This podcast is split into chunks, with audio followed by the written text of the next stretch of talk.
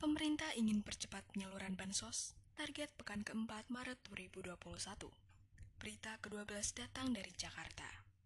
Menteri Sosial, Tri Risma hari ini mempercepat penyaluran bantuan sosial atau bansos.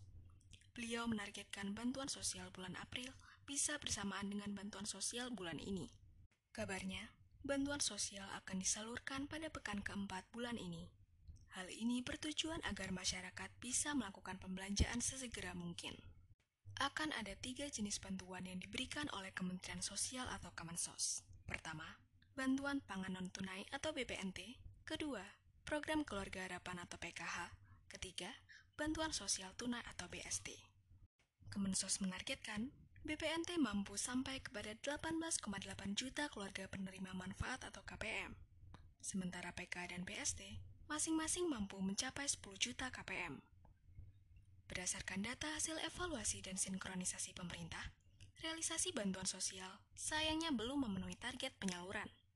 Oleh karena itu, Kemensos fokus untuk memenuhi target kuota bantuan sosial yang masih belum terisi. Risma juga menyampaikan, saat ini pihaknya tengah melakukan perbaikan dan sinkronisasi data agar bantuan yang diberikan lebih tetap sasaran.